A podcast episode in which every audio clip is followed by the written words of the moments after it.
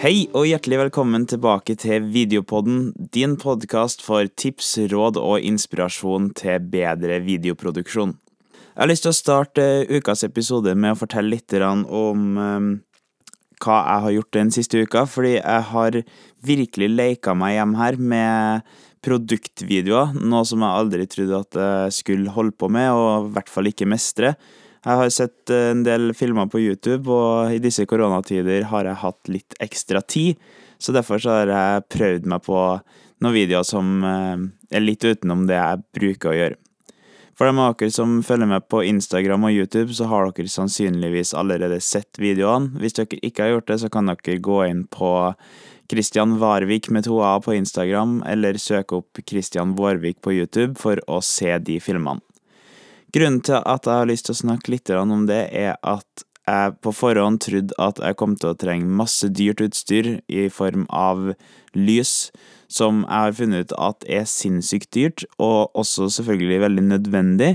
Men eh, for de prosjektene her så trenger en mer lys enn det jeg har tilgjengelig, og det har vært veldig spennende å se at uh, man har fått til et relativt bra produkt uten det utstyret som mange kanskje vil si at den er avhengig av for å få til det.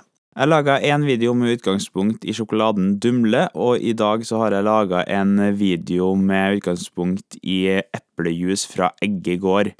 En tutorial på hvordan jeg laga den her med eh, eplejusen. Den eh, kommer på YouTube-kanalen i løpet av mandag, i dag altså, og den med Dumle er allerede ute på kanalen. Jeg har lyst til å snakke litt om den som jeg laga i dag, med eplejusen, fordi her så brukte altså en helt svart bakgrunn. Jeg monterte opp ett lys som eh, lyste fra sida, pluss at jeg hadde et lite kameralys som lyste opp bakfra. Og det gjorde at den fikk noen kule klipp og kule bilder. Og det jeg liker ekstra godt med å filme med svart bakgrunn, er at den kan bare dra ned skyggene, og da får han veldig altså highlight. Du får veldig fokus da det som du ønsker, og i denne sammenhengen så var det eplejusen. Og jeg har så lyst til å formidle at det går an å prøve, det går an å prøve å være kreativ på ting som en kanskje tror at er økonomisk umulig.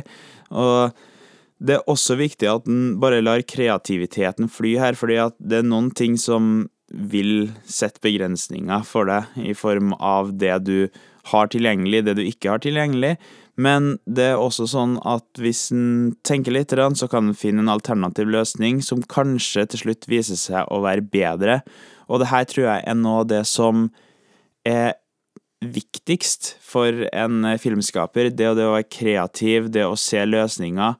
Og enten en tenker på i en jobbsituasjon, eller en bare holder på for gøy, så en, vil en møte utfordringer, en vil møte situasjoner hvor det kanskje ikke er, er mulig å gjøre akkurat som en har planlagt, og det å da være kreativ og raskt komme opp med nye løsninger, det er kjempeviktig.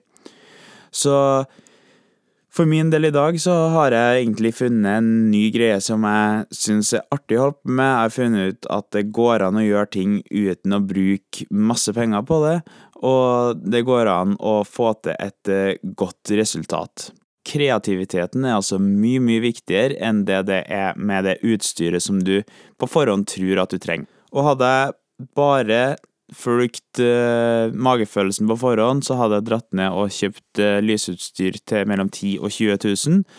Og jeg er usikker på om jeg har kommet til å fått et mye bedre resultat enn det jeg fikk på den videoen jeg laga i dag.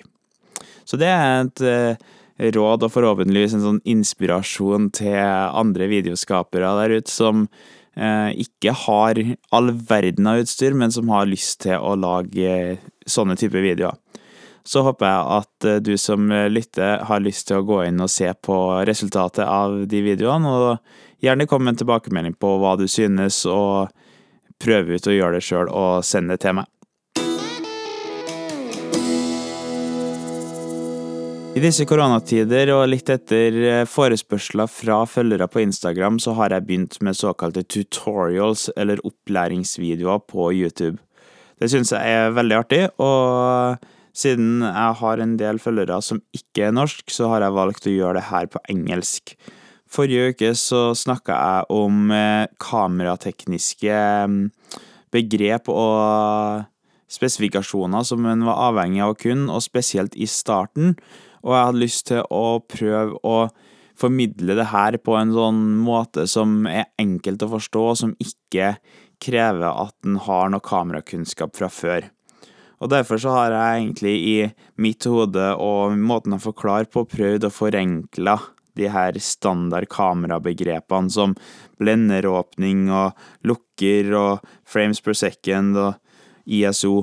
De tingene som en ofte hører om, og som en kanskje ikke veit vet helt hva er, i hvert fall hvis en er ny i faget. Og for min del så har det vært litt sånn frem til for ikke så veldig lenge siden at jeg jeg visste veldig lite om de tingene her, så hvis jeg ble satt i en situasjon hvor jeg måtte diskutere forskjellige tekniske ting med et kamera, eller eh, om film generelt, så, så, måtte jeg bare si at du, jeg, jeg, har egentlig ikke peiling. Jeg vet hvordan jeg bruker det, og hvordan jeg forholder meg til det, men jeg kan ikke eh, sitte her og forklare eh, om verdier og navn og begrep.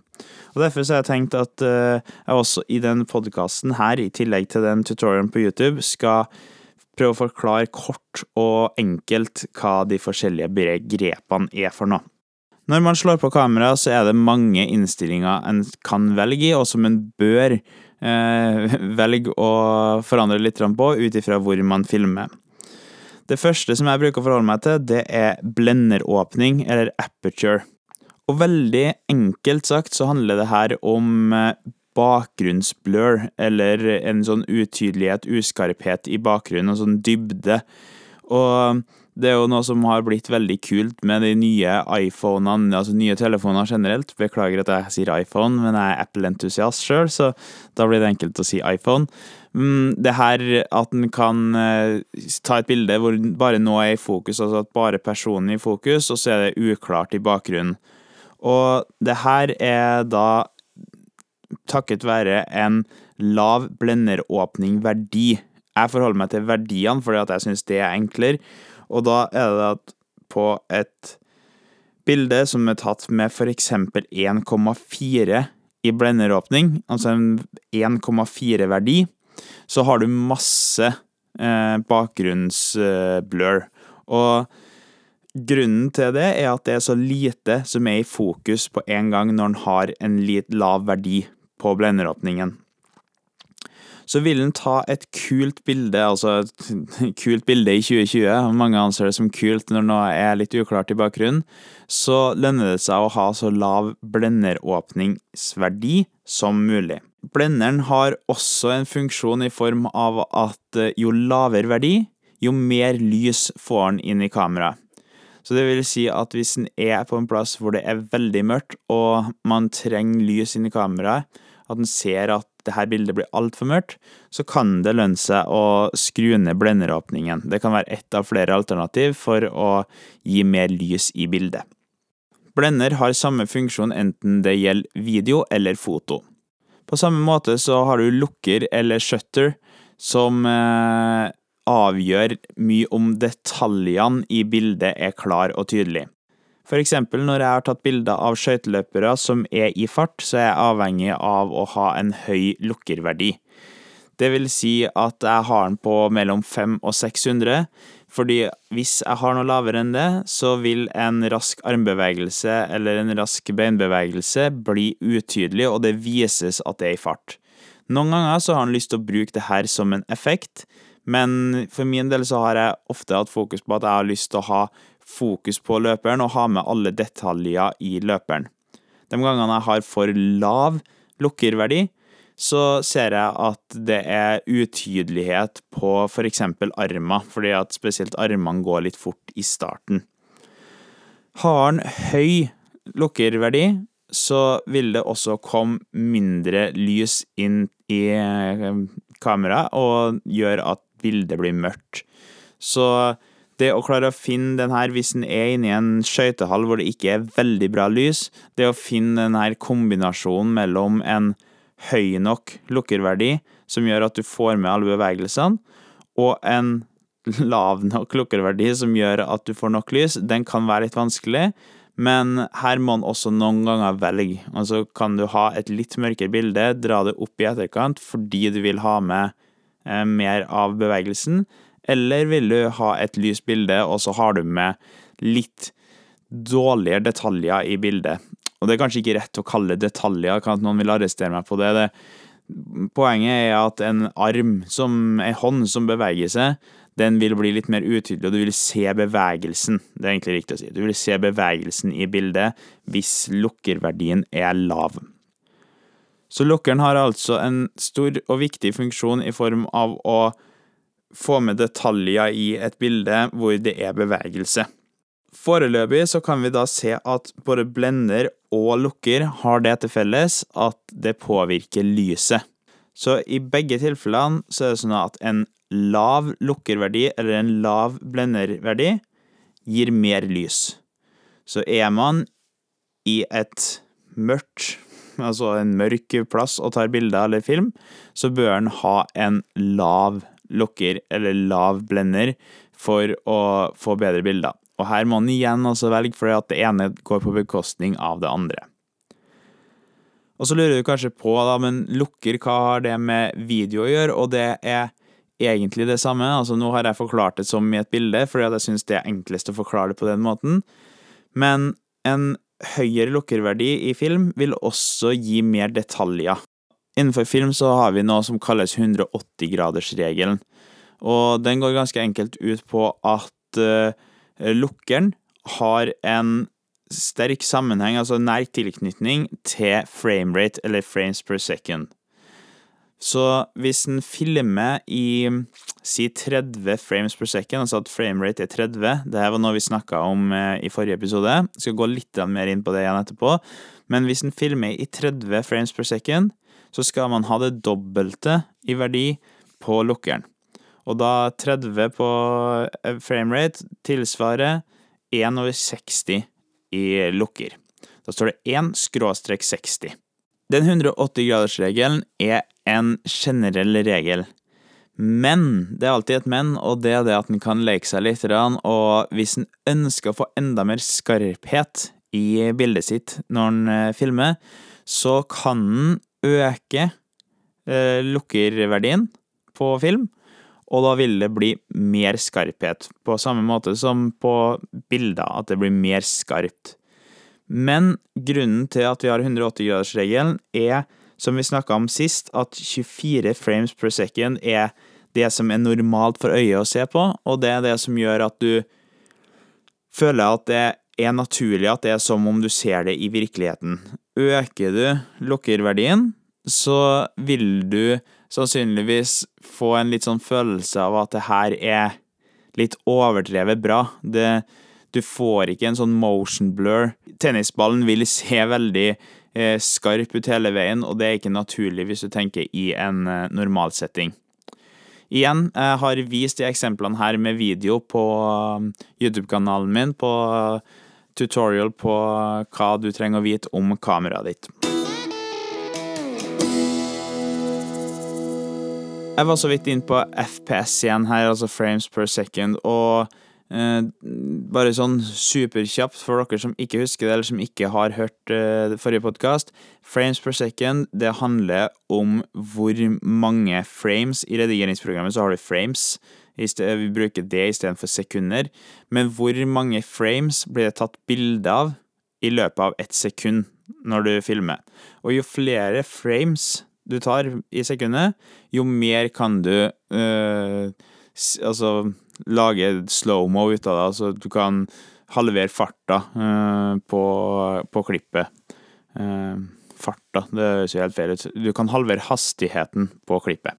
Og den kanskje vanligste feilen når det kommer til um, frames per second og redigering, det er at den drar ned hastigheten mer enn det den har mulighet til, fordi at den ikke har filma i nok frames per second. I forrige episode så snakka vi om eh, hvilket, hvilken framerate en skal redigere i tidslinja, og si at du har redigert i en 25 eh, framerate-tidslinje, og du har filma med 25 frames per Nei, 50. frames per second, så har du mulighet til å halvere hastigheten, altså gå ned til 50% av eh, hastigheten på den, eh, det klippet, uten at du ødelegger kvaliteten. Har du derimot filma i 25 frames per second i den samme tidslinja, og du prøver å dra ned hastigheten, så vil det ikke se bra ut.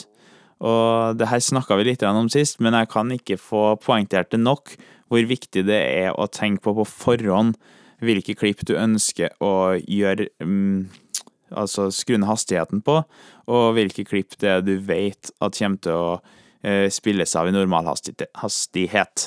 Nå skal jeg ikke gå inn på redigeringa i denne episoden, men det er altså muligheter for å gjøre klippet litt bedre dersom du likevel skulle ha ønska å um, justert ned hastigheten på et klipp som du har filma i si 25 frames per second i ei 25 framerate tidslinje.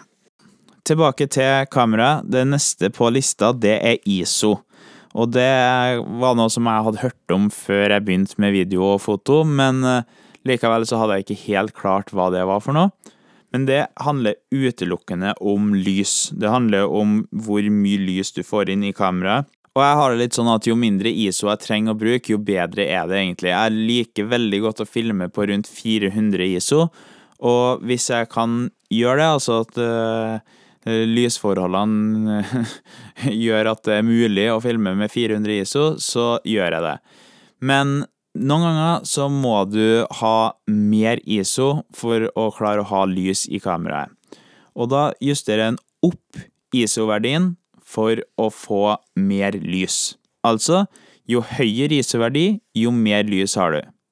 Men her må man også være litt forsiktig, fordi at skrur en det opp for mye, så kan det bli kornete, og skrur den for mye opp når den filmer eller tar bilder i lyse omgivelser, så vil du få overeksponering, og det blir helt hvitt eller lyst på noen av eh, klippene eller eh, bildene. Jeg har hørt om flere eksempler av folk som har brukt nye kamera eller nye system og ikke vært helt fortrolig med ISO, og rett og slett ødelagt alt av materialet fordi de har overeksponert eh, bildene sine. På samme måte så kan du ødelegge det hvis du har for lav verdi, og det blir for mørkt, og du får ordentlig kornete materiale. Og det gjør at det ser veldig lite proft ut. Som dere forstår, så har altså Blender, lukker og ISO mye til felles. Det har med lys å gjøre, alle tre tingene, i tillegg til at blender og lukker har noen andre funksjoner. Det betyr at det samspillet mellom de tre er veldig viktig. Neste punkt det er hvitbalanse. Hvitbalansen det er noe som er kjempeviktig å justere i forhold til um, omgivelsene. Og noen ganger så kan den få et sånn ordentlig gult bilde, og noen ganger får den et ordentlig blått og kaldt bilde. Og i starten så forsto jeg ikke hva det her var, og jeg trodde bare at uh, det var dårlige lysforhold. Før jeg fant ut at det var noe som kaltes hvitbalanse, hvor den altså må justere sånn at uh, det blir et nøytralt lys. Den beste måten å gjøre det her på, syns jeg, det er å, når jeg skal stille inn hvitbalansen, putte opp noe hvitt foran kamera, trykk på sett, og med det så kommer et lite klikk som om at kameraet tar bilde, og da er hvitbalansen eh, satt. Så det syns jeg er en fin måte å gjøre det på, og det fungerer veldig bra.